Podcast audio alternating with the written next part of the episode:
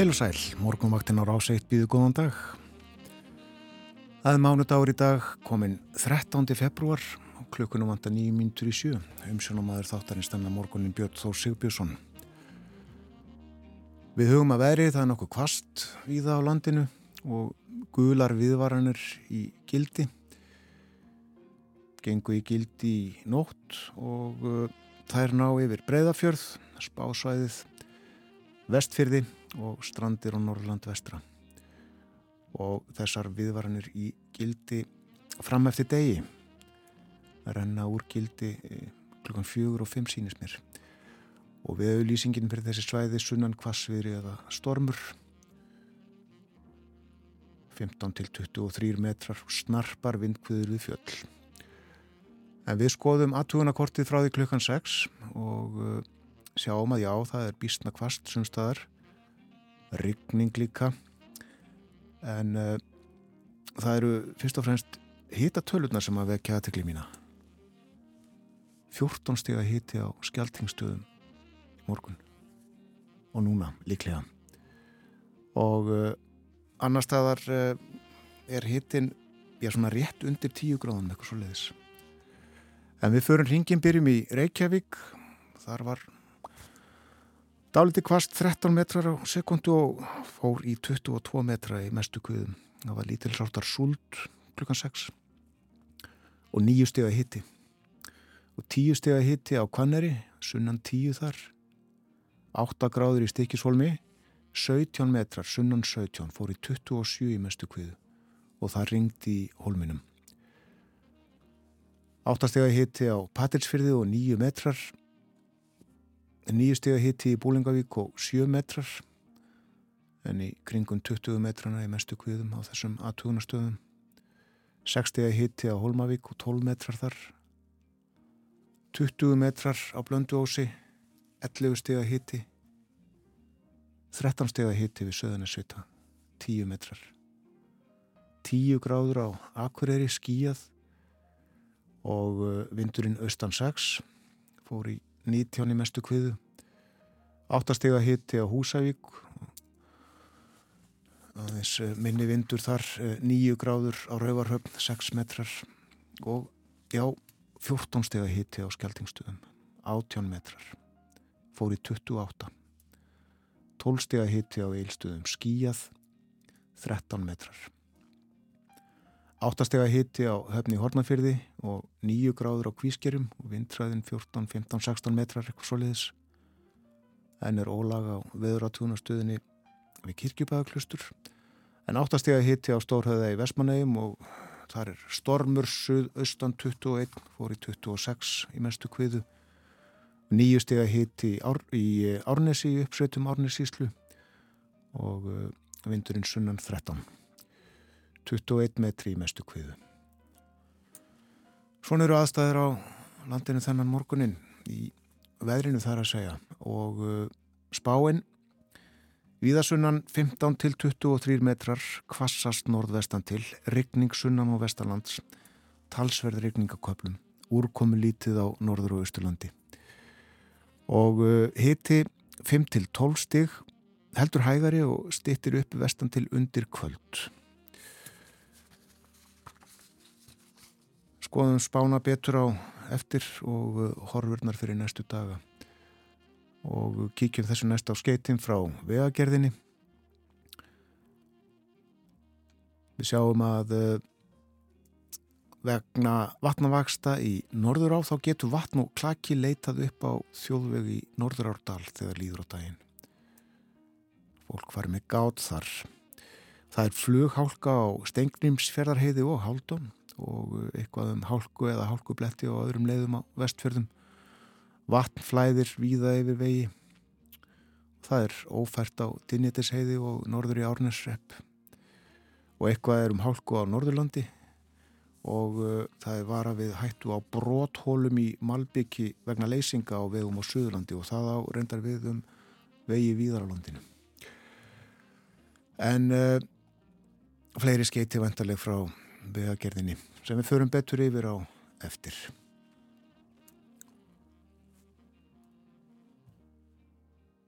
Við hlustum á lag, fyrsta lag þáttarins þennan morgunin syngur Sam Cooke.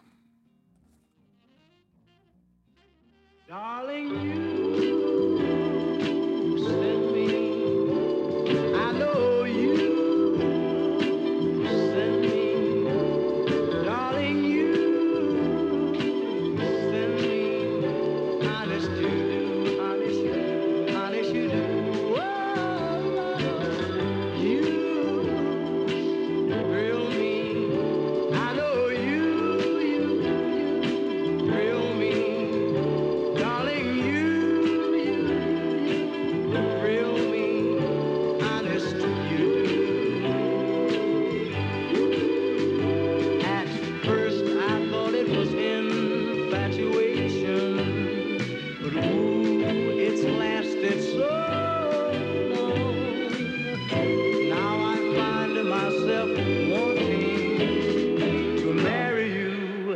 take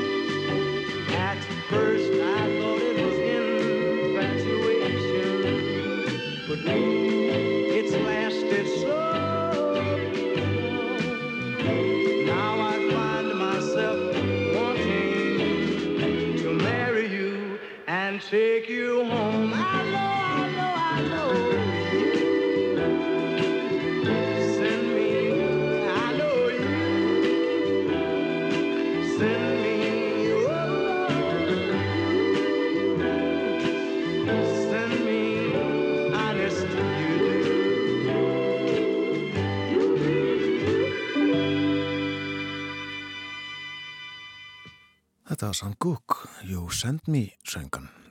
Það stýttist í frettinnar kom eftir eina og hálfa mínútu. En stuttlega dagskrá morgunvaktarinnar í dag, við ætlum að fjalla eins um verbulguna, um vísitöluna, hvernig er þetta allt saman uh, mælt og rekna, við komumst að því á eftir.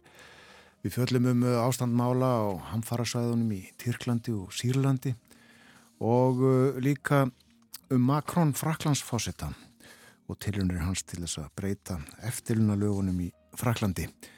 En ferum eitthvað yfir dagskrá þáttarins eftir fréttinnar, lítum þá í blöðin og sikva fleira.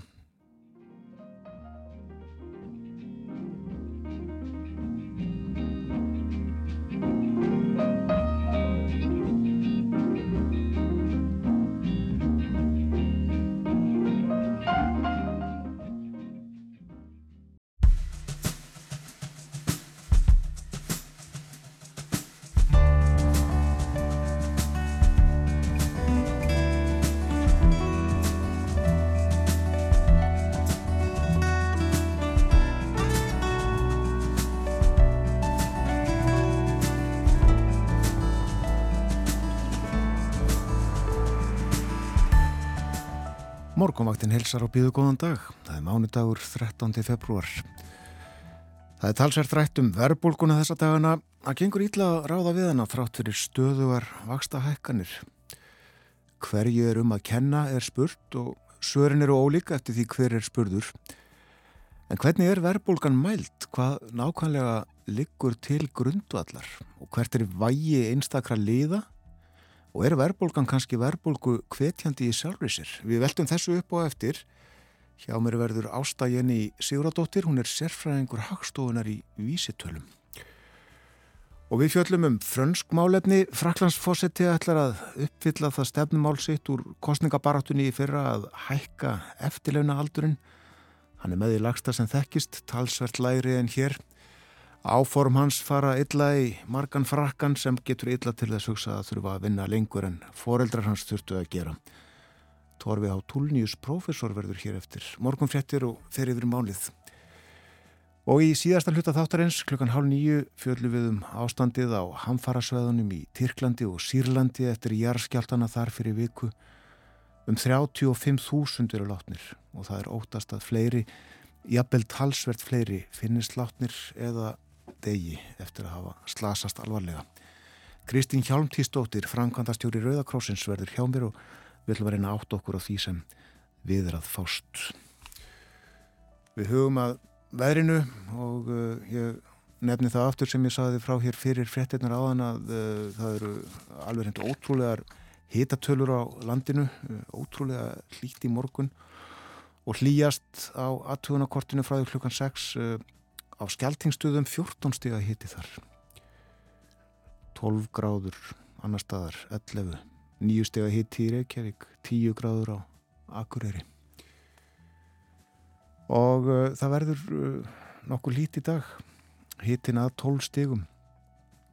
En spáin annars svona víða sunnan 15 til 23 metrar kvassast norðvestan til regning sunnan og vestanlands og talsverð regning á köplum úrkomu lítið á norður og austurlandi. Og hiti eins og áður saði að 12 stigum. Og heldur hægari vindur í kvöld og þá stittir upp vestan til. Og það eru gular veður viðvarinir í gildi fyrir breyðafjörð og vestfjörði og strandir og norðurland vestra. Og það er renna úr gildi klukkan fjögur og fimm í dag og vara við vatnavöxtum í ám sem geta flætt yfir bakkar sína og á vegina. Og farið yfir það í frettunum hér áðan. Ég nefni líka að það er flughálka á Stengrimsfjörðarheiði og Háldón ófært á dynendiseiði. Nú uh, hugum aðeins að veðurhorunum næstu daga svona í viku byrjun á morgun þriðjudag uh, verður sunnan og suðvestanátt 5-13 metrar skúrir og svo jél þurft á norðaustur og austurlandi og hiti að 5 stigum.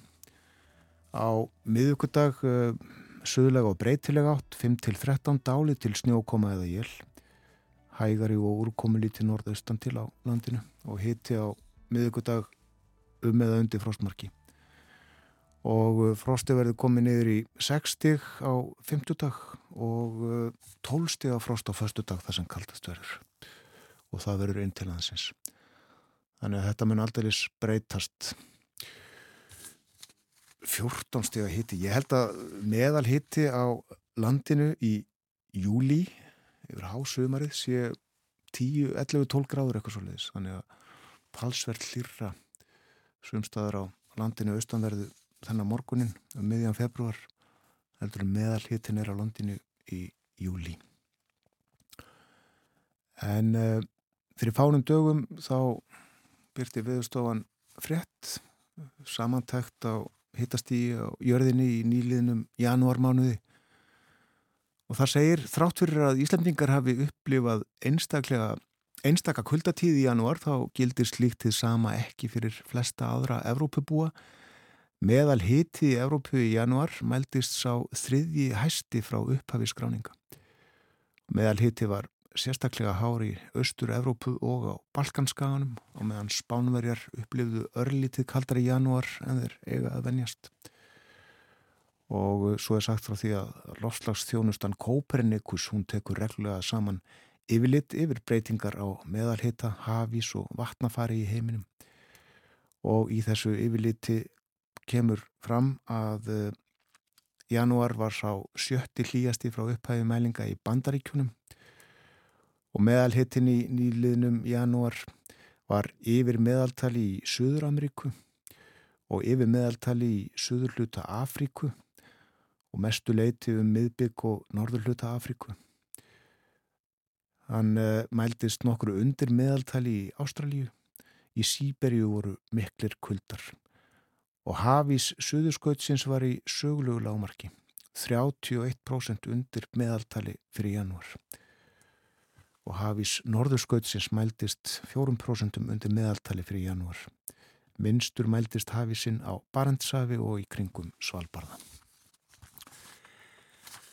Það var og við skoðum fórsíðu morgunbladsins og uh, þar er uh, fjallaðum umsóknir um alþjóðlega vernd engum frá Venezuela farið yfir þessi máli í morgunblæðinu í dag uh, ekki síst í tengslum við fregnir af þessari sérstöku auglýsingu sem að uh, ferðarþjónustu fyrirtæki í Venezuela byrti og uh, benti viðskiptavinnum á að fara til Íslands til að njóta réttinda sem hælisleitendur fái.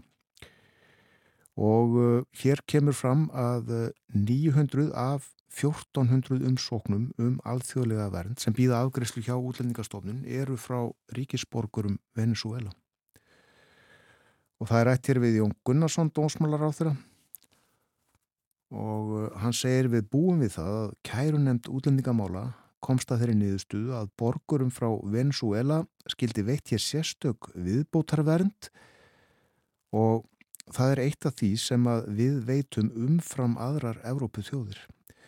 Og við þessu verðum við að bregðast vegna þess að þróun í þessum málum getur ekki haldið áfram með þeim hætti sem verið hefur. Og eins og áður saði fjalla nokkuð ítalega um þetta í morgunblæðinu í dag. Nú, uh, morgunblæðið heldur líka áfram með frett mál sem það saði frá í síðustu viku um þetta kerfi Evrópussambandsins fyrir viðskipti með heimildir til losunar á gróðurhúsaloftegundum. Eh, ef það verður tekið upp í EES samningin án þess að Íslandi verði veittar undan þáur þá mun að það hafa hér eh, talsverð áhrif miður góð, segir bóin Nils Bógason, fórstjóri Æslandir. Já, Þetta mun hafa slæm áhrif á samkeppnishæfni keflaugur fljóðallar sem alþjóðlegar tengimiðstöður. Og hann segir vegna landfræðilegar legu Íslands bitnar þetta ef afverður verð á tengimiðstöðinni í Keflavík en öðrum tengimiðstöðum sem hún keppir við. Og uh, mikið álag hefur verið á bráðamóttökum heilbriðistofnana um all land meðal annars vegna þrálátra umgangspesta af ymsutægi. Þetta er svona það helsta á fórsíðu morgunblæsins þennan morgunin. Við hugum að öðru en uh, skísla ríkisendurskoðunar um sjókvíaeldi kom út í síðustu viku og vakti mikla aðtekli. Hún er svört eins og stundum er sagt um skíslur. Sjókvíaeldi er ung aðtunugrein en á skömmum tíma er hún orðin mjög umfangsmikil en hugmyndin er þó nokkuð gömul. Í kringu 1960 var í fjölmjölum talsvert fjallaðum hugmyndir og tilraunir Gísla nokkus Indriðasonar á þessu sviði. En Gísli á merkilegu maður, akureyringur, hann var sjómaður framann af starfsæfi og setna tollvörður, fyrst á Seyðisfyrði og svo á Ísafyrði. Og hann var um skeiðs post og símamálafull trúi á Siglufyrði og verslunamaður í Reykjavík og fisksali í Danmörku. Og meðfram hefðbundinni vinnu þá viðaði gísliða sér þekkingu og fróðleikum fiskeldi og kynnti undir 1960 áform um að ala tegund sem hann kallaði grálags á búðaósi á Snæfellsnesi og um líkt leiti þá skrifaði hann og gaf út bæklingum efnið sem hann nefndi Gullkista Íslands sem glimtist. Yngvar Gíslason, síðar alþengismadur, skrifaði grein um Gísla Indriðarsson í tíman 1960 og í yngangi sagði um langt skeið hefur mönnum verið kunnugt að hægt er að ala fisk í sérstökum eldistjörnum og hafa af mikinn arð. Hefur fiskeldið fram til þessa fyrst og fremst farið fram í fersku vatni en það aðalega ræktað er þeir fiskar sem regna í ósöldu vatni þótt er annars gangi í sjó og lifi þar á nokkru leiti. Hér á landi hefur fiskeldi aðeins verið stundað á mjög smáum stíl og verður því ekki talið til þeirra atvinnu greina sem renna höfuð stóðum undir Íslenskt efnagslíf. Þó eru ymsir þeirra skoðunar að fiskeldi geti með tímanum orðið einn öflugasti útflutningsatvinnu vegur Íslendinga, tiltvölega kostnaðalítill og mjög árvis. Ef nokkur ætti skilið öðrum fremur að bera heitið postuli þessa fagnaðar erindis um stórkostlegt fiskeldi á Íslandi, þá mun það áreðanlega vera Gísli Indriðarsson. Svona skrifaði yngvar. Og hann gerði svo stöta grein fyrir Gísla, rækt, rakti æfi hans í nokkrum orðum og, og saði svo Gísli Indriðarsson er sjálfmentaður náttúrufræðingur og lengi áhuga samur stangviðimaður hefur hann með eigin aðtugunum og bóklestri kynnt sér flest sem lítur að eðli og lifnaðar háttum lagsfiska. Var honum snemma ljóst að hafa mátti meira gagn af lagsi og sílungi en það eitt að veiða þá á stöng. Hann var sannfærður um að fiskeldi í stórum stíl gatt orðið mikilvægur atvinnuvegur á Íslandi og undan farin fimm ár hefur hann af spámanlegum krafti bóðað fagnaðir erindi sitt fyrir íslenskum ráðamönnum í atvinnu og stjórnmálum keift sér aðstöðu til tilruna, skrifa bækling og bladagreinar og flutt erindi í útvarp til þess að útbreyða kenningu sína. Gísli skilur sig frá hennum ímsu læriðu fiskeldisfræðingum í því aðalega að hann vil ala lagsfiskin og þá fyrst og fremst sjóbyrting og sjóbleikju í söldu vatni, sjó, eftir að hafa aliðan í fersku vatni á fyrsta æfiskeiði. Taldi hann sannað að vakstarhraði fiskana væri miklu meiri í sjó en fersku vatni. Þetta stangaðist á við álit og þekkingu hérna læriðu manna og því hefur, hefur hugmynd gísla að sjálfsögðu átt erfitt uppdráttar. En svo gerðust þau tíðindi fyrir nokkrum vikum, skrifar yngvar, að tíminn byrti greinum fiskeldist tilraunir tveggja norskra bræðra og þegar gísli las greinina þóttist hann kenna þar svipaða eldis aðferð og hann sjálfur taldi best henda. Það er sjóeldi. Beðan ekki bóðana heldur skrifaði bræðrunum og fekk greið svör og lofordum góðar viðtökur ef hann skrippi yfir álinn til þess að sjá starfsemið þeirra með eigin augum. Áhuga samir vinir hann sér heima styrtuðan til fararinnar að nokkru leiti hitti hann norsku bræðurna og kynnti sér starfsemið þeirra sem bestan gatt og átti orðræður við ímsa fleiri merkan orðmenn um þessi mál. Gísli þóttist hafa gert góða fyrr og var nú enn sannfarðari en hann hafi verið um ágæti kenningar sinnar sem hann hafi bóðað í mörg ár án mikilla undirtekta. Gísli hefur nú hafist handa um stopnun hlutafélags til rekstrar tilrauna fiskeldistöðvar í búðaósi á Snæfellsnesi Nokkuð hefur honum orðið ágengt um hlutafjórsöfnun en mikið skortir þó á að nægilegt fjessi fyrir hendi. Aug þess að mann leggur megin áherslu á að koma eldistöðin í búðaósi á lakirnar hefur hann í hyggju að stopna áhugamannafjölug og landsambandum fiskræktarmál í líkingu við skóraktafélag Íslands. Hann trúir því að slíkur félagskapur geti orðið áhrifamikill aðili í að hrinda af stað fleiri framkvæmdum og eblaskilning og almennan áhuga á þessum málum. Í bæklingi sínum Gullkista Íslands sem glemtist, segi Gísli Indriðarsson, að árnar, sjáarlónin, lækirnir og stöðuvötnin séu ein samhangandi keðja af öðlindum sem getur gefið af sér nokkur hundru miljónir króna á ári ef réttir áhaldið. Og í niðurlagi saði svo Yngvar Gíslason í greininni í tímanum Ræktun er í huga Gísla Indreðarssonar fyrir öllu og hans álit er að það sé síður en svo vanda meira að rækta hafið og vötnin en sjálfa jörðina. Hann vil láta gera 30 eldistöðvar á landinu og áallar kostnað hverjar stöðvar 5 miljónir króna. Hver slík stöð, segir hann, ætti auðvöldlega að geta framleitt 600 lestir af fiski á ári sem að til umundu gefa af sér 42 miljóni króna í erlendum gælderi. Geri annar veiðiskapur betur, skrifaði yngvar. Já, þetta var 1960 og á næstu árum þá reyndi Gísli að þoka málum bæði eigin eldi á Snæfellsnesinu með stopnun, hagsmunafélags og erindregst ykkar hvart stjórnmálumönnum og fleirum. Ekki fann ég í fljótu bræði miklar upplýsingar um hvernig allt þetta fór hjá honum. En ég veit hins vegar að 1966 þá hóf hann störfi í búnaðabankanum og þar vann hann til 1973 honum virðist sem sagt ekki hafa tekist að gera fiskeldið að, að eh, starfi, fullu starfi.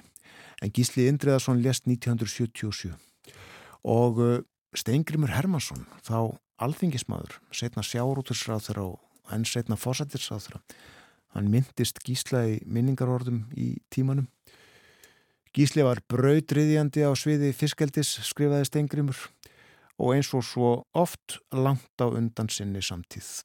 Hann var sannfærður um það að við Íslendingar ættum að hverfa sem mest frá stjórnlausri veiðimennsku en leggja í staðin áherslu á framleiðslu á fiski með ræktun meðal annars með lags og sílungseldi. Hann varði miklum tíma og fjármunum í tilraunir á þessu sviði en mætti takmörkuðum skilningi hægfara stjórnvalda. Aukin og bætt framleiðsla matvala var fyrir hungraðan heim var stöðugt áhuga mál gísla. Hann var óþreytandi við að vekja aðtikli á betri meðferð hins stórkostlega ráefnis sem við Íslendingar eigum kost á úr sjó og vötnum. Gjörnýting á fiskinum var hugssjón hans. Svona skrifaði Steingrimur Hermansson um hugssjónamannin Gísla Indriðarsson sem vissi árið 1960 og fyrjabell að lagseldi í sjóværi ábatarsum atunugrein en uh, fáið hlustuðum.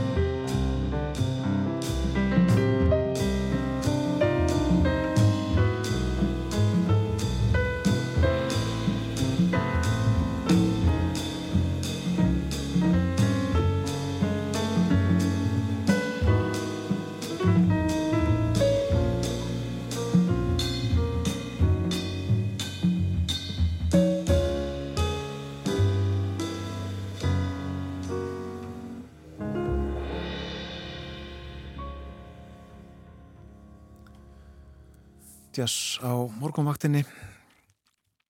Þetta var Agnar Már Magnússon. Lag eftir hann, hann leik á píanóið og með honum voru Valdimar Kolbett Sigurjónsson sem spilaði á kontrabassa og Scott McLeamore leik á trommur. Svið fjallæði titilag Plötu sem að koma út 2016. Og við heyrum meira í Agnari Má í þættinum áður en klukkanslega nýju. En það líður að fréttaði litið hjá okkur kemur eftir rúmar tvær mínútur Heyrum fyrst auðlýsingar, förum yfir veðurhorfur dagsins eftir fréttaði litið og ræðum svo um vísitölurnar og verbulguna.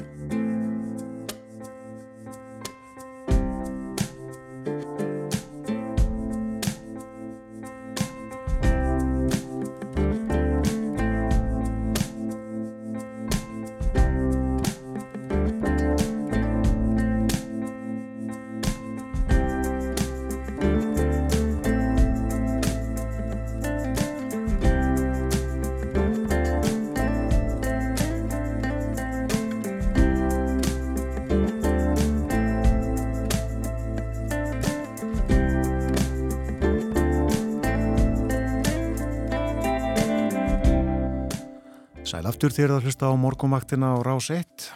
Það er mánudagur í dag, komin 13. februar. Klukkan réttliðilega hálf átta.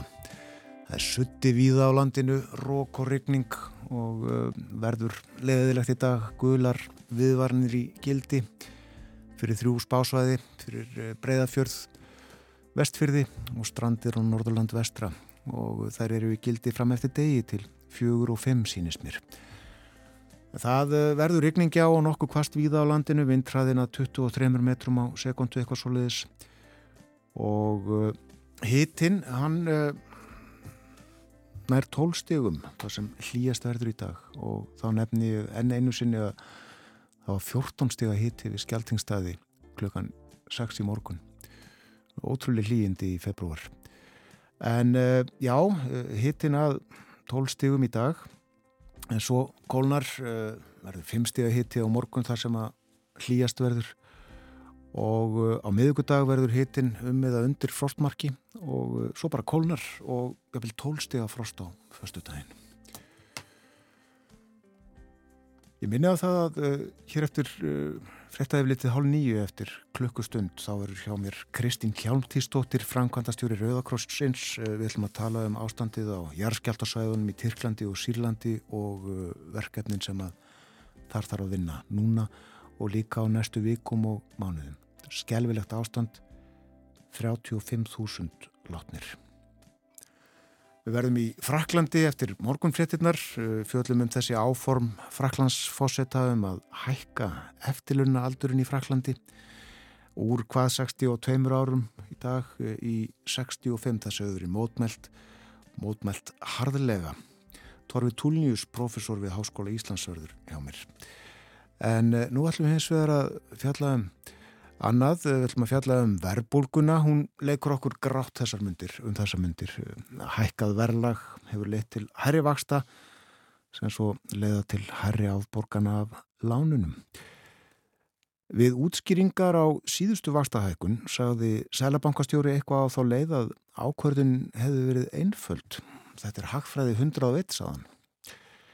En hvernig er verbulga 101? Hér verður næstu mínutur fjallað um undistöðu atriði verbulgunar, undistöðu atriði verbulgu mælinga. Hvað liggur til grundvallar, hvað vegur þingst, hvernig er þetta allt saman fundið út? Hér er Ásta Jenny Sigurðardóttir, hún er sérfræðingur á hagstofunni í Vísitölum. Velkomin á morgunvættina. Takk fyrir. Já, mi mikil er ábyrð ykkar í útreikningunum allavega. Ég ætla nú ekki að kenna ykkur um, um verðlags og vaksta hekkanirnar. Nei, nei, nei, við, það er alveg nóg samt sem, a, sem að við tökum ábyrð á. Já, en sko en við gruðum okkur niður í undirliði vístölunar, þá kannski langar með að byrja á hugtakaskýringu. Það er tala í öfnum höndum um verðbólgu og vísitölu neysluverðs. Þetta er þú ekki það sama? Nei, þetta er ekki það sama en þetta eru mjög sagt, uh, náskild hugtök þar sem að vísitala neysluverðs er tæki sem er nota til að meta verðbólguna. Og ég held að sé bara ágætt að taka annað hugtæki fyrir í einu og, og, og tengja þau svo saman sko. að ef við hugsaum bara um vísitölur almennt að þá eru vísitölur bara svona eins konar mælistykur sem við notum til þess að geta fylst með breytingum. Og þessi vísitala neysluverðs að henn er þá ætlað að mæla uh, verlag á uh, vörum og þjónustu sem að heimilin í landinu eru að kaupa. Og hvað þýðir að mæla verðlag? Þetta er alltaf eitt kannski hugdækir ykkur annað. Eh, þannig ég held að ég átt að stoppa bara og, og kíkja á eitt dæmi. Að ef að við e, segjum sér svo að ég sé mjög vanaföst e, eh, manneskja, sem er kannski eitthvað sem mínir vinnir eiga mjög öðvöld með ég myndi sér, en, en við ætlum að gera fyrir að ég sé það vanaföst að í hvers skipti sem ég fer að versla þá fer ég bara alltaf á sama staðin og ég kaupi nákvæmlega sömu vörunar nákvæmlega sama magni. Þannig ég er alltaf að týna sömu hlutina ofan í körfuna. Og svo bara held ég utanum hvað ég greiði fyrir körfuna í hvers skipti. Og þá er ég komið með svona sapna tölum sem að ég gæti nota til að búa til mína eigin vísitölu fyrir verðlag matarkörfunar minnar og uh, hugmyndafræðin er þannig að þegar ég versla í fyrsta skipti, þegar fyrsta mælingi mín fer fram, að þá læti vísutöluna hafa gildið 100, það er svona hefð fyrir því, þó sem að megi hafa hvað sem er. Og svo þegar ég fer í næsta skipti, þá skoða ég hvernig breytist verðið á körfunni minni.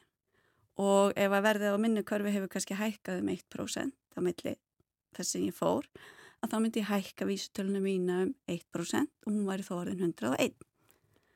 Svo er þriðjaskipti sem ég fer, þá var hún kannski halvu prósenti herri, þá myndi ég hækka vísutölum hálf prósent og svo framvegs. Þannig að þá var ég búin að búa til vísutölu fyrir verðlag matarkörfuna minnar. Og það er nákvæmlega það sem vísutölan á að, á að gera. Þannig að ef ég myndi að aðfendu einhverjum núna þessa vísutölu mína, þá hefði hann ekki hugmyndum hvað ég var að vesla fyrir mikið. Hann veit ekkert hversu dýrkarfan er, en hann getur út frá vísutölunni séð hvernig verðið á henni breyttist. Þú veist, hvort eða hlutirnir í körfinni minni voru að verða dýrari eða ódýrari og, og hversu mikið það munaði. Og það er nákvæmlega það sem vísitala neysluvers gerir. Hún segir ekki til um hversu mikið við erum að eigða eða neitt slíkt. Hún segir bara hvernig eh, verðlægið eða verðmiðarnir er, er að breytast. Og útreikningarnir sjálfur Uh, það sem við gerum, það sem Hagstofan gerir er að mæla þessa vísitölu neysluvers og útrekningarnir eru eiginlega eins og ég var að lýsa í þessu dæmi nefnum í staðin fyrir að vera með einhverju svona leitla matarkörfi fyrir eina mannesku að þá eru við með risa stóra körfu sem á að tákna sérstaklega bara í rauninni meðal neyslu heimilis í landinu. Og þá eru ekki bara maturur í körfinni heldur líka alls konar vörur og þjónusta Þannig í körfuna fer líka född, ráftæki, bílar, flugferðir, nuttklipping, þið veitir allir þessi kostnæðiliðir sem við þekkjum bara okkar heimilisbókaldi að þeir eru með í þessari körfi. Og, og það er bara ákveð fast hvað er í körfinni og svo mælum við sömu körfina í hverju með einasta mánuði og skoðum hvað kostar varan karfan núna miða við hvað hann kostaði síðasta mánuði. Og þá breytingin á milli heldra upphæðin á þessum tveimur körfum, það er breytingin sem við notum til að breyta vísutölunni. Já, og aðeins að verklæginu uh, farið út í búð og kaupið þessa vörur eða uh, lítið þið bara á vermiðan? Við lítum bara á vermiðan og uh, fyrir einhverjum árum að þá var það eina leginn til að sapna verðinu var að fara út í búð og lesa vermiðana. Uh, í dag er tæknin orðin mikið meiri, þannig að til dæmis í maturverslunum þá fáum við bara gagnasendingar beint frá þeim úr kassakerfisgögnunum þeirra. Þannig að við erum að fá hvað fólk var að borga á kassanum. En svo söfnum við verði líka á netinu þar sem það er hægt og stundum ringjum við eða e, fyrirtæki og stofnanir senda okkur gögn með öðrum hætti. Það er bara þrautalendingin, ef ekkert af hinu gengur upp, að þá er þrautalendingin að við sendum einhvern í búðina til að lesa og vera með. Já. Eru mjög margar vörur í korfinni hjá okkur eða, eða tiltölulega fáar sem að eiga bara að gefa vísbendingu? Uh, það fyrir kannski eftir hvað þú með, meðar. Sko. Við erum með þúsundir af vörum í, í korfinni en við munum aldrei ná að verðmæla allar vörur. Um, og þetta uh, virkar þannig hjá okkur að við skiptum sérstætt korfinu upp í tólf aðal flokka sem eru reynda mjög misstórir en það er til dæmis einn flokkur bara fyrir mat og drikk, annar fyrir áfengi og tópak, þriðji fyrir fött og skó og svo framvegs og þessum flokkum er svo skipti undirflokka og undir undirflokka. Þar til við erum alveg komið nýður í einhvern svona flokk eins og hrísgrón og svo til þess að meta hvernig verður að breytast hjá hrísgrónum þá erum við að velja fulltrúa. Þannig að þá erum við kannski með 10, 20, 50 það fyrir aðeins eftir gerðflokksins hvað við erum með margar mælingar alveg hérna neðist niðri af mismunandi sagt, vörum sem passa inn í flokkin og, og mælum með eðalbreytingu á þessum vörum í, í flokknum. Þannig að við erum aldrei að mæla allt en, en þetta en sapnast þegar saman kemur þannig að þetta er endar í þúsundum. Já, og svo vegur þetta misþungtir það ekki í verðbólgu útreikningunum? Jú, og það er bara því að kannski minnist að ná verðbólguna að þá kannski klári að því nú tala ég bara um vísitölu neysluvers og vísitölu neysluvers það er það sem hagstúan reiknar og það er afurðin sem við skilum af okkur. Eh, verðbólka síðan, eh, til dæmis Sælabankin, hann metur verðbólkuna út frá breytingunum á vísitölu neysluvers. Þannig að við erum í rauninni ekki að vinna með verðbólkuna sem, sem slíka, heldur eru við að eh, skaffa tæki fyrir aðra til að meta verðbólku. Og, og verðbólkan er þá metin sem 12 mánuða breyting á vísitölni og þetta getur kannski verið pínur auklingslegt vegna þess að þegar Hagstofan gefur út sína frétt að þá eru við alltaf að segja frá því sem er nýjast og það sem er nýjast er hvernig er breytingin frá síðasta mánuði. Þannig að við erum að segja hver er mánuðabreitingin, hvað hafði mest áhrif þannan síðasta mánuð. En þegar við erum að tala um verbulgu þá erum við að tala um 12 mánuðabreitingu. Þannig að þá erum við að tala um veist, þessar 11 gömlu mánuðafréttir pluss nýjustu fréttin okkar. Og það er ágætt að hafa, hafa þannig greinamun aðeins í huga þegar við erum að tala um veist, hvaða liður eru að hafa áhrif. Erum við bara að skoða hvað hafi áhrif síðasta mánin, veist, hvað er það sem er nýjasta frétta eða erum við að skoða uh, hvað var að hafa áhrif síðustu tólmánu, hvað er að hafa áhrif í þessari hildartölu sem er kvöldu verbulga. En þú spurðir áðan um, um sagt, uh, vægið, hvað, hvað, hvað vægiliðin hafa og ég segi þessi tólfliðir þegar það hafa mjög mismunandi vægi. Eh, langstæsti liðurinn er liður sem heitir húsnaði, hiti og ramag og það er alveg eh, tæplega 30% af, af vísutölunni og svo eru tveir liðir sem eru svona, hvað var að segja, næst stæstir það er annars vegar liðurinn matur og drikkur og hins vegar liðurinn ferðir og flutningar. Og þeir eru cirka 15% hvort og þetta er held í eitthvað sem við tengjum alveg við heimilisbókaldið þegar við hugsaum hvað er við að eigða mest í að það er húsnaðið, það er maturinn og svo er það bílinn eða, eða, eða sett, það sá faramáti sem, faraskjóti sem við erum að nota til að Já. koma okkur á milli staða. Já.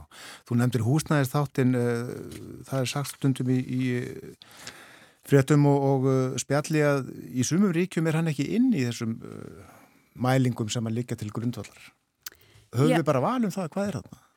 Sko, uh, já og nei uh, við reiknum hverju tvekja uh, Hagstofan gefur út eitthvað sem heitir vísitalan Ísluvers og af því að hún á að sagt, mæla enga neysluna í heilt að þá er húsnæðið með, bara samkvæmt skilgrinningunni eins og neyri í lögunum að þá er húsnæðið með í vísitölu neysluvers Við hins vegar reiknum líka og gefum út eitthvað sem heitir vísutala nýsluvers ánhúsnæðis.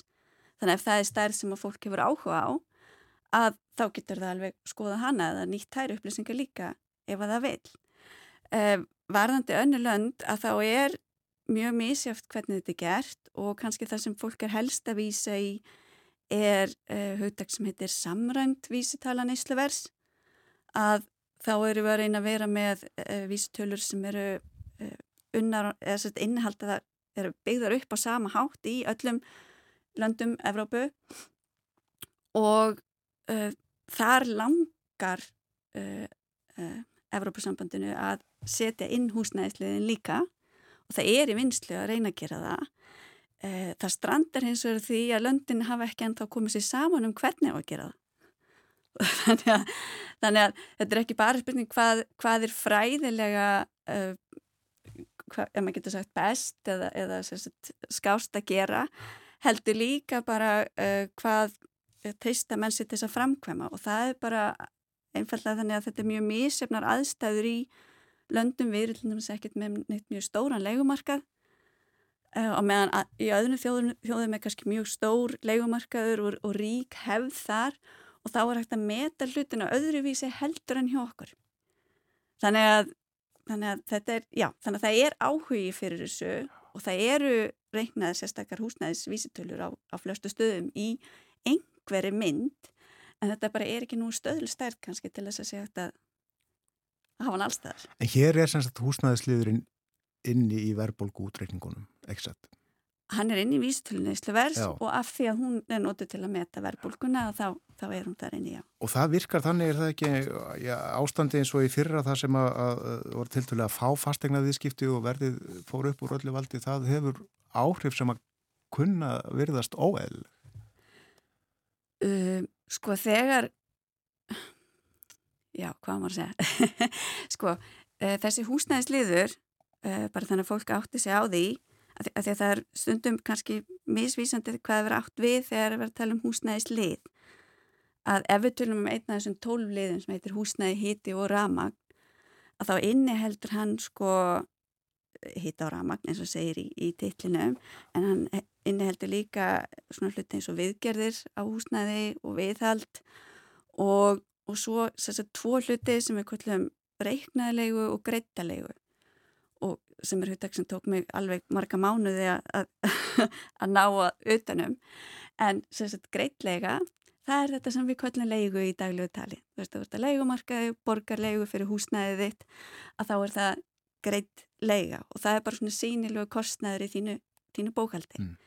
En svo er spurningin hvað átt að gera með þá sem að er ekki að leikumarkaði heldur en búa í eigin húsnæði og þú ert ekki að borga sem sagt, um, ert ekki að borga þessa förstu leigugreðslu en hugsunin er að það er í rauninni ákveðin fórnarkostnaður sem fylgir því að þú sérst að búa í, búa í húsnæðinu þínu.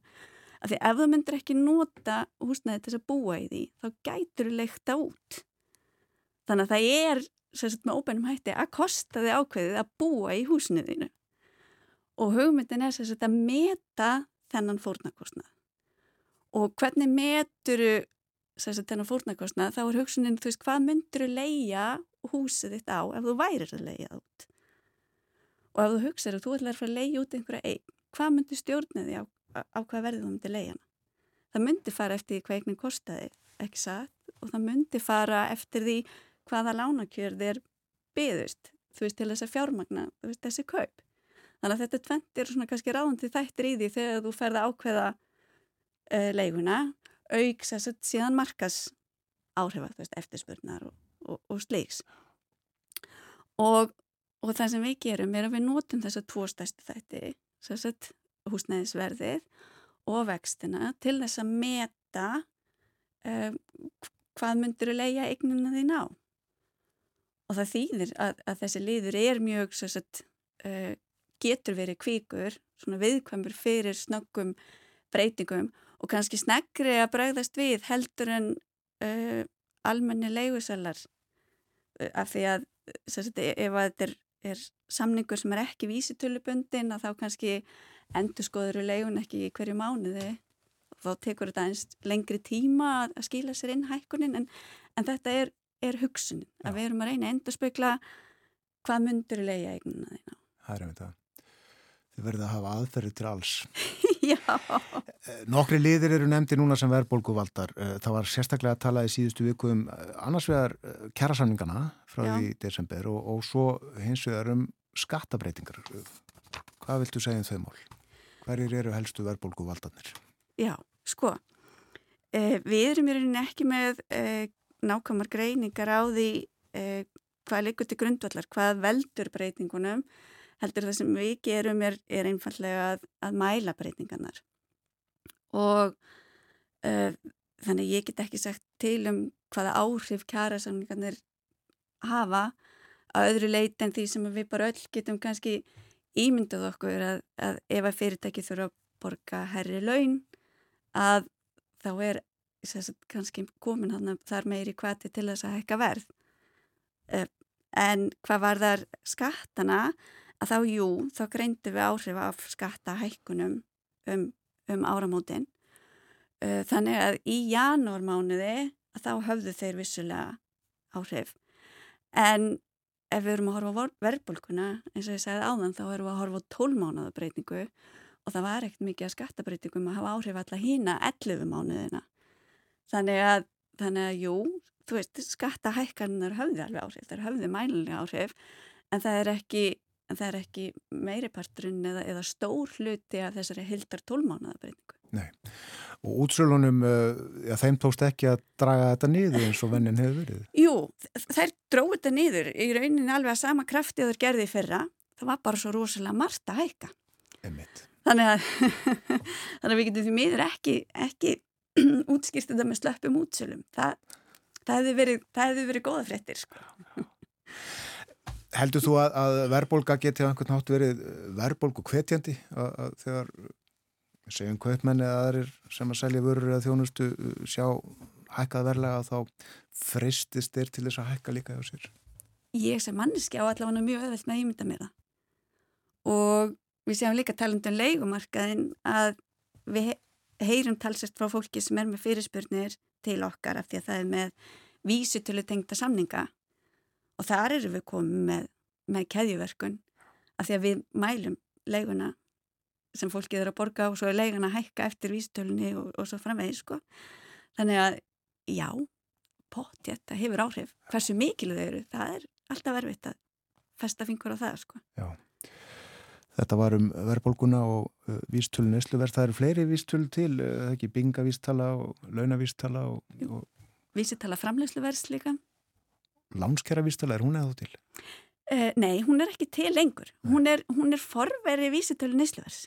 Já, Að það er sem sagt, þegar lögina verðtrykkingu tóku gildi, það var búin til þessi lánskjara vísitala sem var samsett úr byggingavísitölu og fram, uh, mann ekki eins og hvað hann heitir, og hann er vísitölu sem er svona svipuð og neysluverðsvísitalan og, og hún var notið til verðtrykkingar en, en sagt, árið 95 þá komur lögin um vísitölu neysluverðs og þá tók hún við sem verðtrykkingavísitalan af þessari lánskjara vísitölu. það er einmitt það.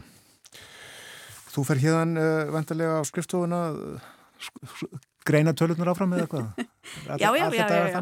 Það, það er stöðu vinna við það og Já. það er í dag er fyrsti dagur uh, verðsöfnunarviku hjá okkur af því að við erum að ver, mæla verðlagi hverju mánuði og við erum að mæla það svona um það byrjum meðjan mánuðin þannig að eina viku í hverju mánuði að þá erum við að sapna saman öllum verð upplýsingunum þannig að nú er verið að fara inn á í dag verður byrjað að fara inn á heimasíðunar og taka mótugögnum frá fyrirtækjunum og ringja og, og þetta til að sapna verðinu sem að leggur síðan grunninn að að vísitölunni sem við gefum út í februar. Er her fólks í þessu hjá okkur á hagstofunni? Nei, það er ekki hér fólk sem það, en það eru nokkri sem, sem koma að þessu. Það eru nokkri sem að starfa bara almennt uh, við gagnasöfnun hjá hagstofinni og þeir vinna í þessu verkefni með okkur og svo tökum við svolítið við og, og reiknum út úr, úr neðustöðunum. Já. Er svona út frá uh, þinni þekkingu og reynslu, uh, hvað heldur að gerist á næstu mánuðum varðandi vístölun á verðbólkuna? Já, það er, það er það sem ég segi, það er, það er einn af kostunum við, við, við mitt starf, er að, er að það fælst ein, einungis í því að greina frá því sem hefur gerst. Og ekki, ekki vera með spátanskúluna og, og sjá hvað muni gerast. En, en ef að fólk er að spá í verðbólkuna, sem slíka, að þá er ágætt að minna á að það er 12 mánuða breyting. Þannig að næstu mánuðin að þá sjáum við þá höfum við sem sagt forsöguna. Þannig að það er alltaf bara einn mánuður að koma inn í stæðin fyrir einn mánuð sem að dettur út. Þannig, þannig að breytingarnir verði ekkert í stökkum heldur getur við séð svona hægt og rólega hvernig, hvernig þróunin verður Þakkaði fyrir komin á morgunvaktina. Takk sem leis Ásta Jenny Siguradóttir, hún er sérfræðingur í vísitölum hjá Hagstofinni. Við fáum fréttir eftir fimm minútur og uh, eftir þær ætlum við að fjalla um frönsk málefni, frönsk stjórnmál og uh, þessar tilraunir uh, Makrons Fraklands fósetta til þess að hækka eftirluna aldurinn í Fraklandi. Torfið á túlnjusörur gestuminn.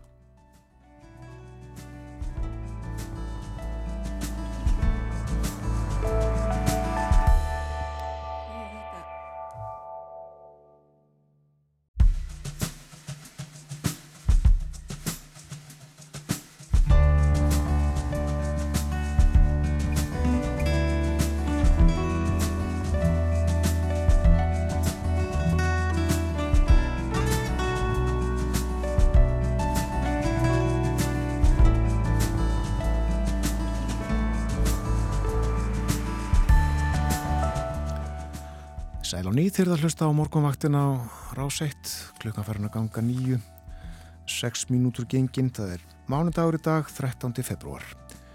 Við töluðum á hann um verbolgu og vísitölur, hjá mér var Ásta Jenny Siguradóttir, hún er sérfræðingur hagstofunar í vísitölum. Og uh, hér var uh, til að byrja með uh, svolítið námskeið í grunnatriðum þessara útreikninga og aðferðafræðinar margir sem að grýpa til þessara hugtaka og talnana og láta eins og allir skilja en það er ekki alltaf þannig. Svo minn ég á að á eftir, eftir uh, rúmar 20 myndur verður hér Kristín Hjálmtístóttir, hún er frangvatastjóri Rauðakrossins, við ætlum að tala um ástandið á jærskjáltasaðanum í Tyrklandi og Sýrlandi. En nú að frönsku málefnum Áformum Makrons Fraklandsfossetta um að hækka eftirlauna aldur í landinu hefur verið mótmælt, mótmælt harlega síðan þau komu fram og alveg sérstaklega núna síðustu daga. Málið er núna fyrir þinginu. Í gróðum dráttum getur fólk í dag hægt að vinna og farið á eftirlaun 62 ára. Makrón vil hækka mörkin í 65 ár. Og hér er Torfi Tulnius, professor við Háskóla Íslands Hann er fraklandsvinur, fylgist grant með fréttum af frönsku þjóðlífi og kemur stundum til okkar á morgunvaktina og segir frá velkomin. Takk fyrir.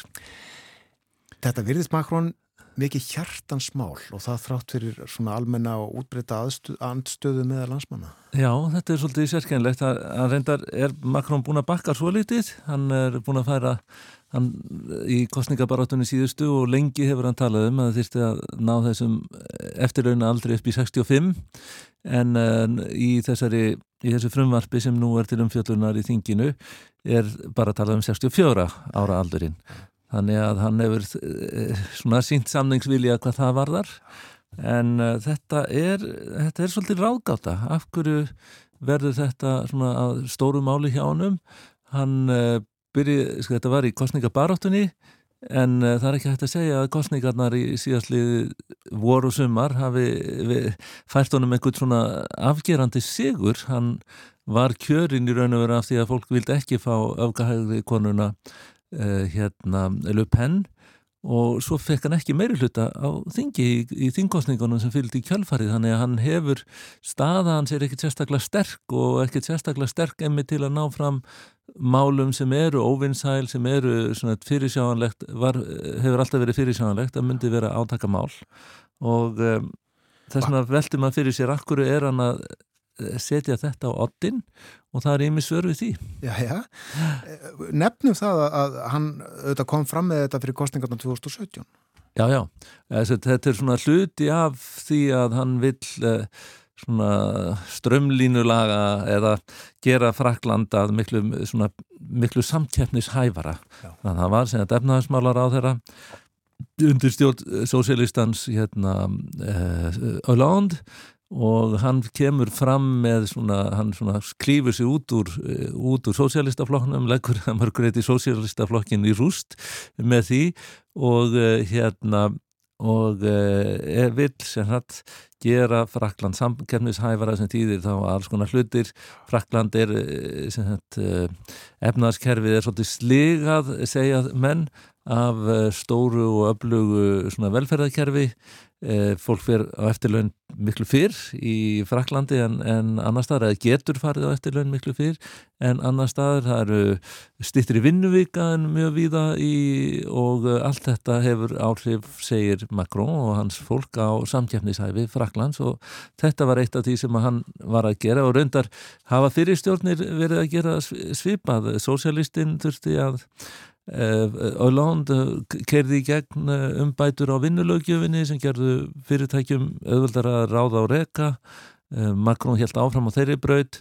Sósialistiðarnir líka undir Hollande náðu að, að breyta eftirlaunalögjöfinni þannig að fólk þurfti að vinna lengur til að ná fram þessum réttindum og uh, margt fleira, Macron heldur áfram á þeirri braut en hvers vegna hann setur þetta, þessa óvinsælu aðgerð á oddin e, sennileg skýring er svo að hann er að reyna að fá þið hefbunna hægri með sér. Þetta hefur lengi, lengi verið í svona eitt baratumál gólista og uh, þeirra sem eru svona, hægra megin við miðju í, í litrófi stjórnmálana og um, af því að Macron missir meiri hlutansinn í þinginu þá þarf hann stuðning og uh, þetta var að hann sem regnaði bara út í svona uh, út frá þingstyrk að þetta væri sem sagt uh, leið fyrir hann til að ná fram einhverju af sínu stefnumálum með þá og fengi með stuðningi gólista. En það er reynst svona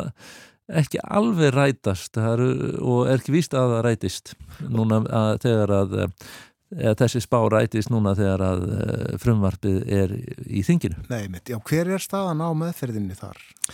Þetta er búið að vera til umræði núna held ég á aðra vik, eða tvær, þrjár vikur og það er spurning hvað það, það, það, það er margar vikur í viðbútt Eh, vinstrið sem að eins og ég sagði áðan þá gamli sósialistaflokkurinn sem var kjölfestuflokkurinn á vinstri vangstjórnmála hann er í bara, bara er í rúst í raun og veru, hann hefur til dæru að fá að tingmenn, hann var að gera bandalag við við flokk sem er miklu starri og er lengra til vinstri sem er flokkur Mélenchon sem var, í, var í þriðasæti í fórsetakostningunum e, á síðasta ári. E, það, þetta er fólk sem tekur svolítið stórt upp í sig og þessi flokkur hefur ákveðið að beita svona málþófi að hætti frakka.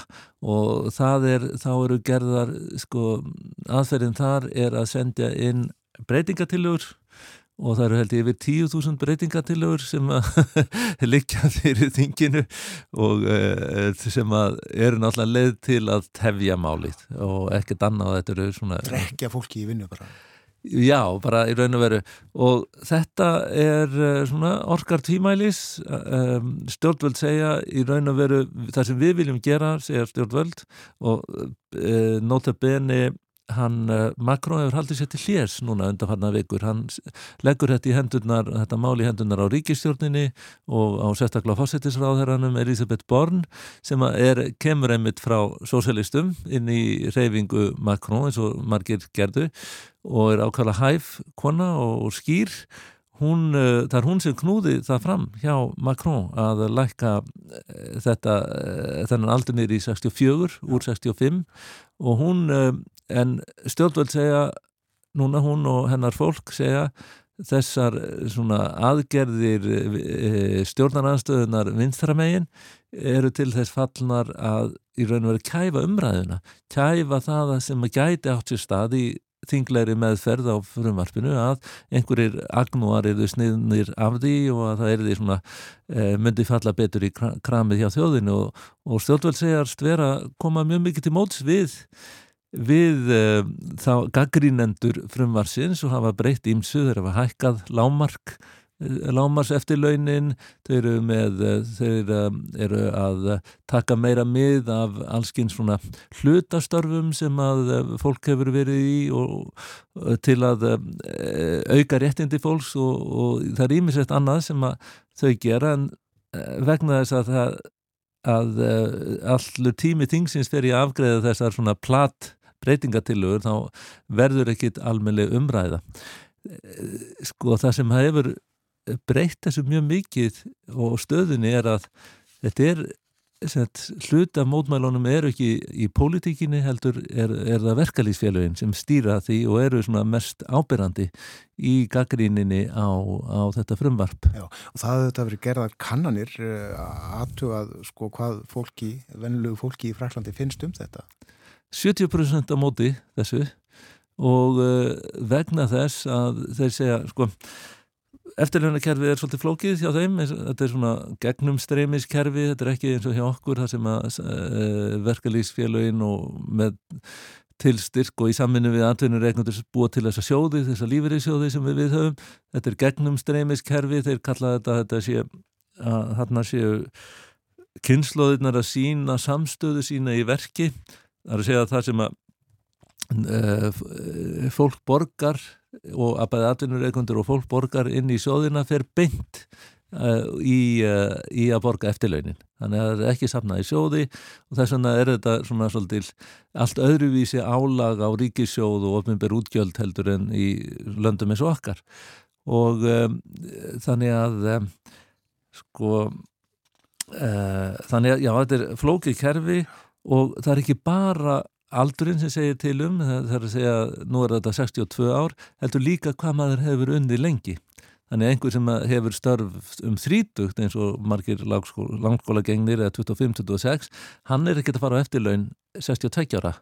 Hann þarf að hafa unnið í sagt, eh, held ég 42 ár og það, þetta er eitt af því sem var áður 40 og þetta er eitt af því sem breyttist eh, með undirstjórn sósélista sem, eh, sem að voru við völd til hvað 2017. Já.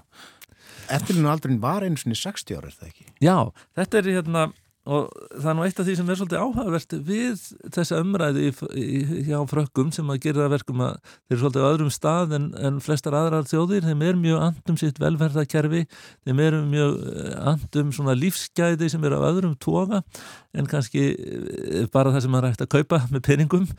Og um, þeir um, og uh, þegar Mitterrand fyrir mjög lengur síðan, 1981 var kjörinn og það var eftir 25 ára samfélta hægri stjórn, þá komast sósalistar til valda og, uh, og þetta er, þetta er kynnslóðin í raun og veru sem að stýrði hérna, stúdentauppreisnónum 1968 sem kemst lósins til valda hérna 1981 og hún uh, og hann sett eitt af svona slagorðum Mitterrand var breytum lífinu changer la vie og hann var með eitthvað, eitthvað um hundrað tilur og einn var að færa eftirlögnu aldurinn niður í sextugt.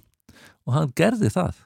Er að segja og með þessum fyrirvara að ekki allir fóru um sextugt en það var hægt að fara að taka eftirlögnu og það var til að fólk gæti noti lífsins. Og, e, og ekki hérna unnið þar til að var svo, væri svo útslitið að það myndi fara svo bara bent á spítala og svo í gröfina.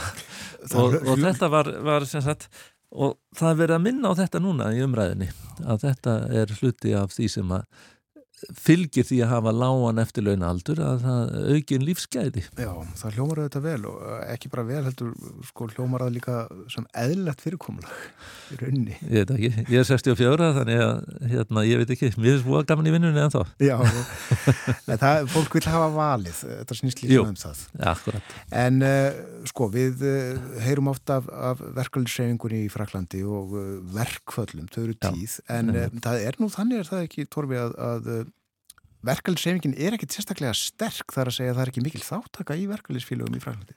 Hún er sterk en hún er ekki sterk en hún er áhrifa mikil. Það, það er það sem er svo skrítið Já. er að emitt eins og þú segir, það, þetta er eitt af því sem að einnkenni frakka og er þessi verkvöld, skæruverkvöld, staðbundin verkvöld, verkvöld sem allt í einu dinja yfir og það sem að kemur svona útlendingum sem búa í Fraklandi eða koma til Fraklands gerðan óvart er, hvað, er umburðalindi frakka gagvart þessum aðgerðum og það er, og en þáttaka í verkalýsfélagunum fél, félagatalið er, það eru frekar fáir sem er í verkalýsfélagunum, þetta er eitthvað ykkur 10%, þetta er bara ótrúlegt með, við, með hvernig hlutinir eru hjá okkur og víðast hvar á Norðurlandum en það er samstæða með þeim og um, þau mist voru svolítið að letta út.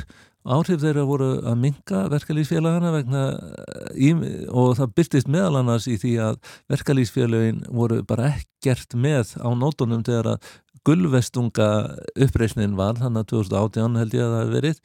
Og, uh, og, sem, og það voru mjög öflug, mikil mótmæli uh, mikið af fólki og fólk sem ekki hafi verið að mótmæla áður og þetta var alls ekki tengt uh, verkalýsfélagunum og þannig að fólki fannst eins og verkalýsfélagin hefði ekkert svona í raun og verið lögmæti til að tala fyrir þjóðina.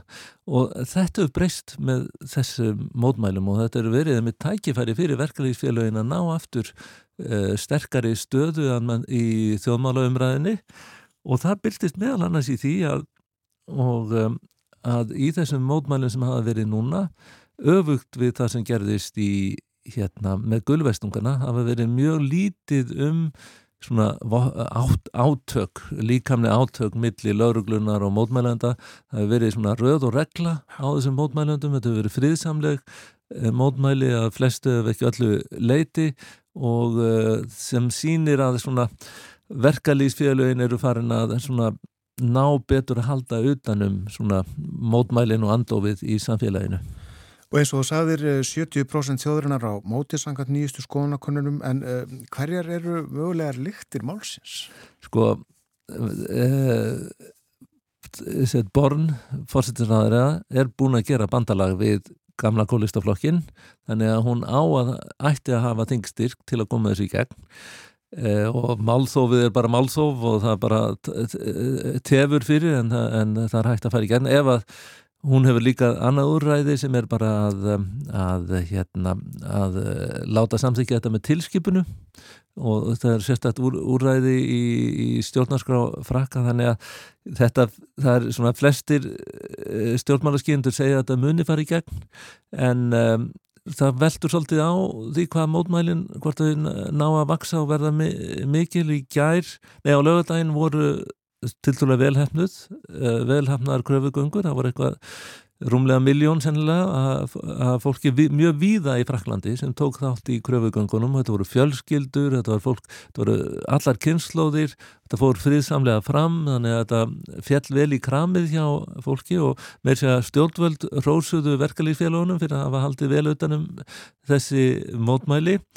Um, nú eru verkefliðsfélagin búin að búa allsherja vinnustöðun 7. mars og, e, og, og samstaða verkefliðsfélagina er ekki að rofna sem er, er e, líka mjög aðtiklisvert, það eru öll saminuð í þessu þannig að og þau, þau eru enn að ráða ráðan sínum um hvort þetta verði ótímabundið verkvall eða bara tímabundið og um, og þeir, þeir eru að reyna að beigja ríkistjórnina og ríkistjórnin vil ekki láta beigja sig þannig að það er ómurlegt að segja hvernig spilast úr þessu.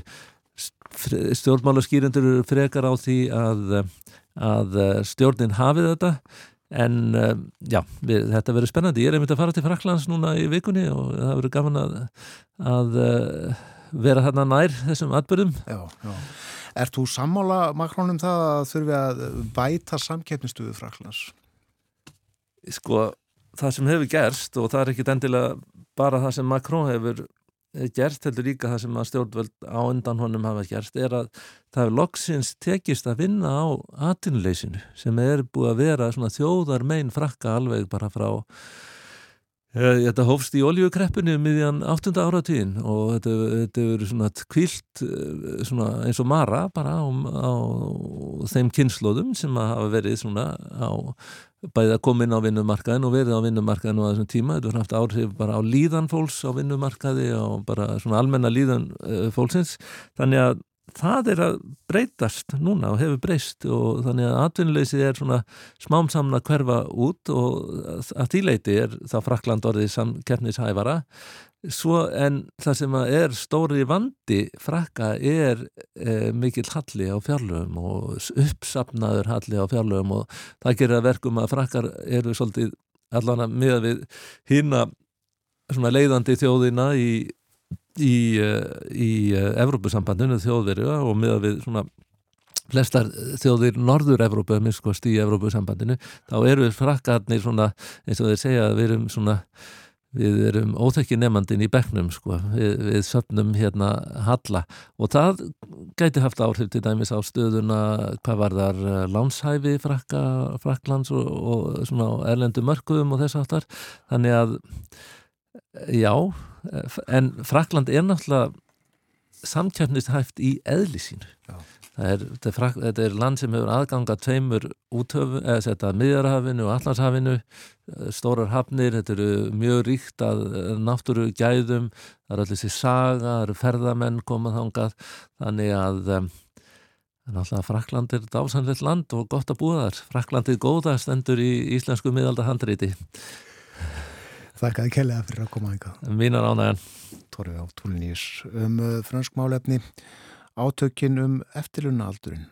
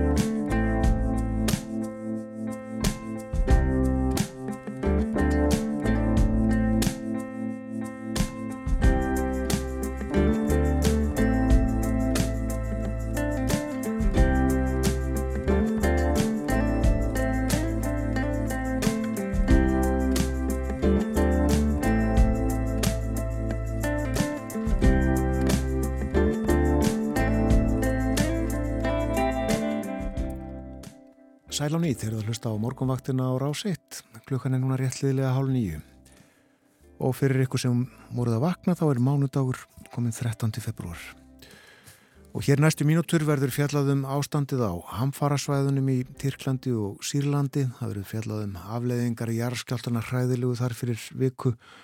Fregnir hermað um 35.000 séu látnir vegna skjáltana og það er óttast að fleiri eigi eftir að finnast látnir í rústum bygginga eða látast af völdum áerka.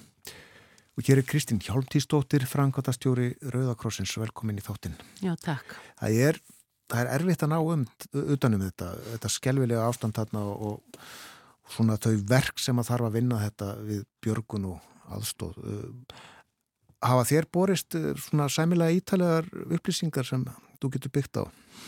Já, við erum náttúrulega hluta alþjóðarhefingu Rauðakrossins, Rauðakrossin á Íslandi og, og það eru 193 landsfélög sem mynda alþjóðarhefinguna og við fáum, við erum á stöðum fundum með Rauðakross, Rauðakrossinum uh, og vera að fara yfir hvað vantar, uh, hver staðan er og hvað vantar að, að viðbræði, búnaði, sendifulltrúum og svo framvegis. En En það sem er náttúrulega að eins og varst að nefna aðstæðnar eru náttúrulega hrikalar um, upptökusvæði er hrikalega stórt og það eru miljónir manna sem að orðu, urðu fyrir skjáltanum og uh, en Það tölur verið munur á Tyrklandi og Sýrlandi. Ástandi er þetta slemt í Tyrklandi, eh, húsin eðilöðust, fólki, ég meina 35.000 komin, er talan komin upp í núna og á auglust eftir að hækka. En eh, Tyrkland er með innviði og, og þeir eru, eru, þeir kunna þetta. Þeir þurfa fjármagn og stuðning og mannúðar aðstóð í miklu mæli núna og hjálpa eftirlifendum það er fjöldi fólk sem var fyrir skjáltunum en, en, en slapp sem sagt en þeir kunna þetta þeir, meina, þeir eh, stóri jarðskjáltar 1999 og 2011 í Tyrklandi og þeir eru náttúrulega breytið sinu byggingareglugerðum en sem ekki allir fóru kannski eftir en En allavega, núna er stuðningur við Tyrkland svona í formi samhæfingar líka, mestmægnis, en síðan mannúður aðstofun og, og sálrætt stuðningur og svo framvegs og framvegs með sjálfbóðlegum og starfsfólki sem að uh, Tyrkneski rauði hálmónin er, er, er, er stert landsfélag og sama má segja um sírlenska rauði hálmónin er mjög stert landsfélag og stærsta mannúðar, uh, stertu mannúðar samtök innan Sýrlands en munurinn er á innviðum. Eh, Tyrklandu þetta uh, þróað og, og fungerandi ríki sem Sýrlandi er ekki. Nei, nákvæmlega og, og, og ég veit ekki eða hvað við erum að byrja sko, það er náttúrulega e, ramagn í, í Sýrlandi skamta, er, þú fer ramagn eina til þrjár klukkustundir á dag, það er mikil verbulga í landinu, um, það er viðskiptabann kólera geysar og, og innviður í mólum, heilbyrjastjónust og svo framvegs allt. Þannig að, og vopnuð átöki í, í, í rauninni síðustu 12 ára eða um það byl þannig að það er, er, ekkit, það er ekki bara, þetta er alltaf aðstæður og það er ekki bara umfang skjáltana heldur líka vangetana að takast á við við þetta verkefni. Og það eru núna 300.000 manns í, í, í, Sýrlandi sem eru út á götu, það er bara nánast íslenska þjóðin. En, en uh, já, þannig að það, það er svona tölur munur á milli, milli en það er verið að flytja fólk af vettvangi og slasa og láttan til að koma í veg fyrir útbreyðslu farsóta Sýrlandsmegin og þetta Tyrklandsmegin líka en sérstaklega Sýrlandsmegin Sko það koma margir aðmálum heima fólk auðvitað það sérstaklega í Tyrklandi fólk og sveitir á við um erlendra ríkja og alþjóðlega uh, samtaka og stopnana Já. sko er við svona aðstæður unnið að björgun og, og svo hjúkrun og aðstóð eftir samrændu skipulagi eða er, er hægt á að, að þetta verði káttist? Það eru auðvitað, á fyrstu dögunum eru auðvitað ringulröð og, og svona örvinglan, en það eru kerfi, það er, er kerfi sem tekur við og það vel þjálfa fólk feð bara í sín hlutverk. Þannig að það sem hefur verið að óska eftir uh, um allan heim, það eru auðvitað fjárframlög og uh, síðan er bara búnaður sem er verið að keira inn inn í bæði löndin og um, og hérna og, og rauninni að hlúa að eftirlifendum í, í þessu rauninni ég meina það er, það er vetur, það er kuldar þarna. Og sjáðu eins og allir fyrir skjáltana í núna í, þá þurftu um 70% íbúa Sýrlands að reyða sig á, á hérna utanákomandi aðstóð bara til þess að lifa af. Og þannig að þannig að þetta hefur verið ástandið í Sýrlandi en auðvitað Karslós fjölmjöla hefur farið auðvitað annað, það er eins og við vitum það er, það er margt í gangi. En, en allavega þetta er hérna um, það, það er svona við stórna deilarinn að ná utanum all, að reyna aðstofa alla sem eru fyrir skjáltunum og, og eru bara eiginlega á verkangi en, en það, er, það er kerfi sem fyrir gang og auðvitað kannski minnstu þorpin og, og svona það, það sem er fjarrri samgöngum og er erfitt að ná til en, en fólk stýðu hvort annað það bara þarf eins og í Sýrlandi bara nöðsinn eins og vatn, liv hýtablásara, tjöld og svo framvegis og framvegis. Þannig að það vantar raunin allt þar. Já, já, já. Mm. Við höfum aðalega fylgst með í fréttum af, af uh, björgunastörfum þar Já. sem að, að uh, fólki hefur verið bjargað úr uh, rústum Mm -hmm. eh, og þau eru stutt, örstutt myndskeiðin í fréttunum eh, sko, þegar fréttinni líkur sko, þessu heldur áfram, þetta heldur áfram þarna á þessum stöðum en sko getur við eitthvað rætt um það hvernig til dæmis við hvaða aðstæður uh, má ætla að reynd sé að gera sárum slasara? Já, það eru, þetta eru þetta, það eru sett upp tjöld strax.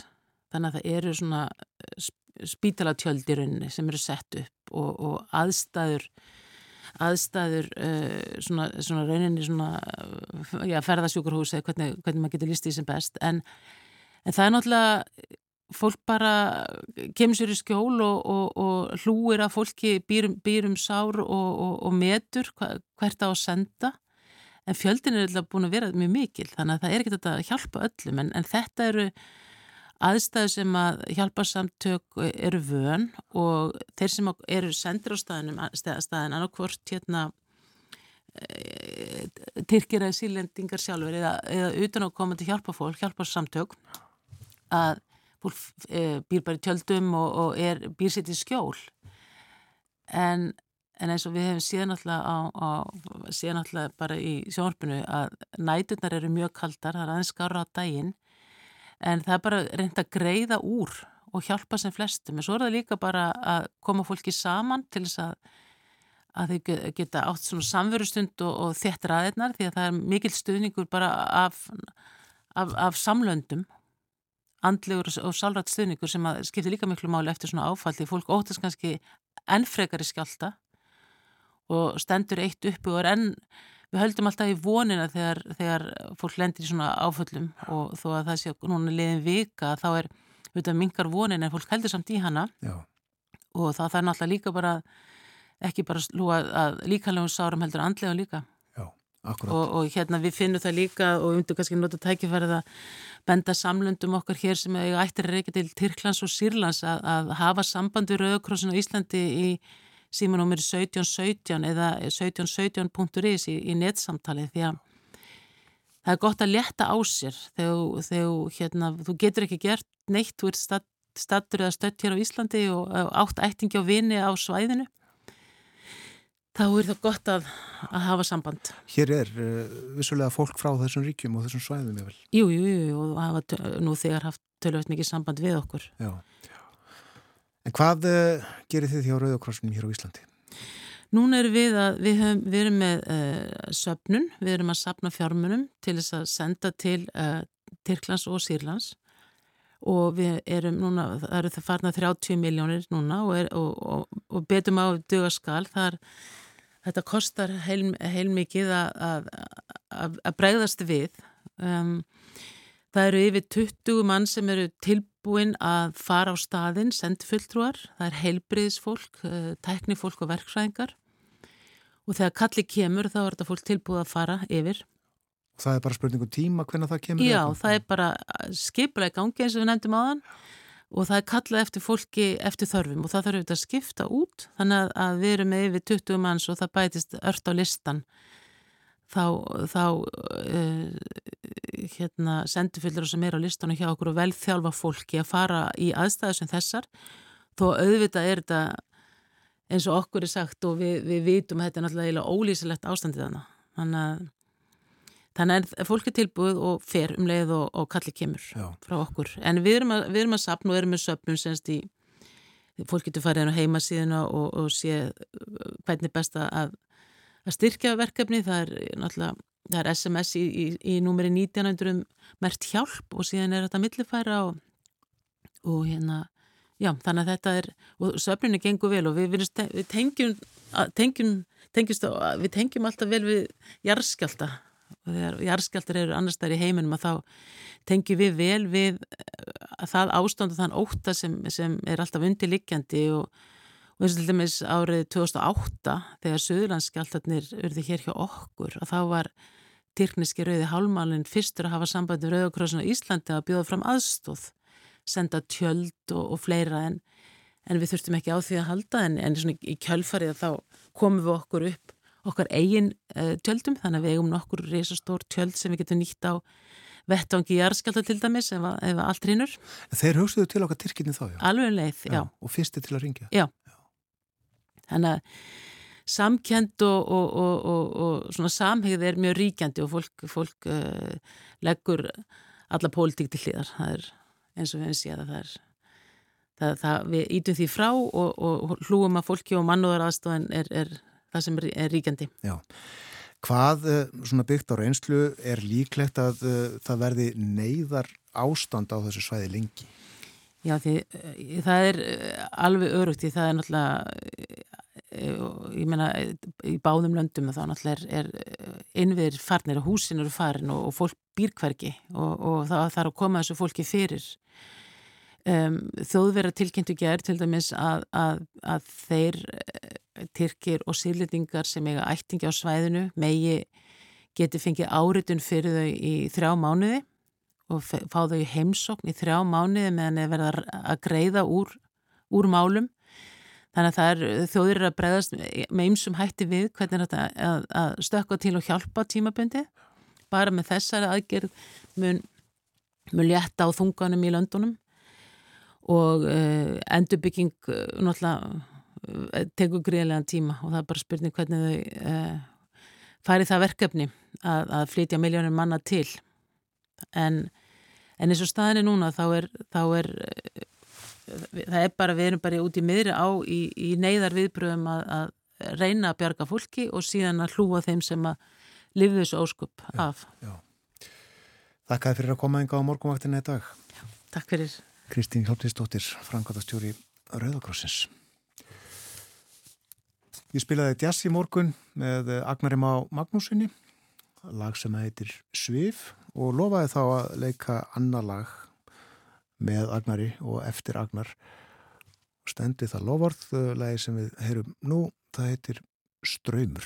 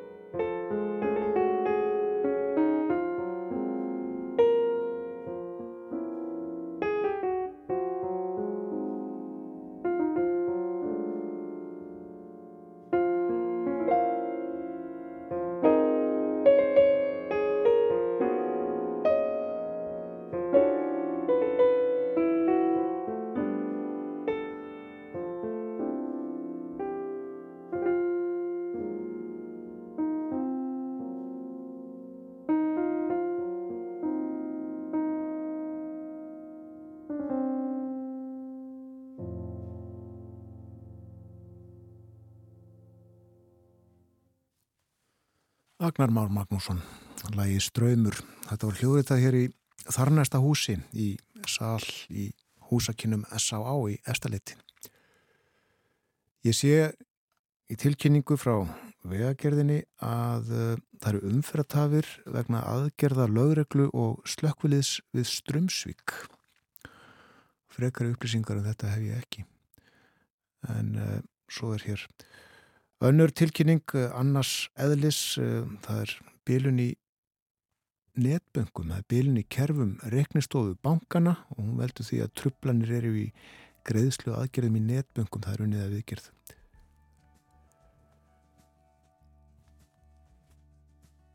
En aftur á vegunum, uh, já, tafir við Strömsvík á Reykjanesbrötinni en uh, það er vesen víða á vegunum, uh, sumstaðar vegna vatnavaksta til dæmis í norður á, vatn getur flætti yfir veginn og vegi víða gerir það til dæmis í dölunum. En svo eru líka skemdir eftir tíðina undarfarð Eh, það er talað um bróthólur í Malbyggi og það er líka hætta á steinkasti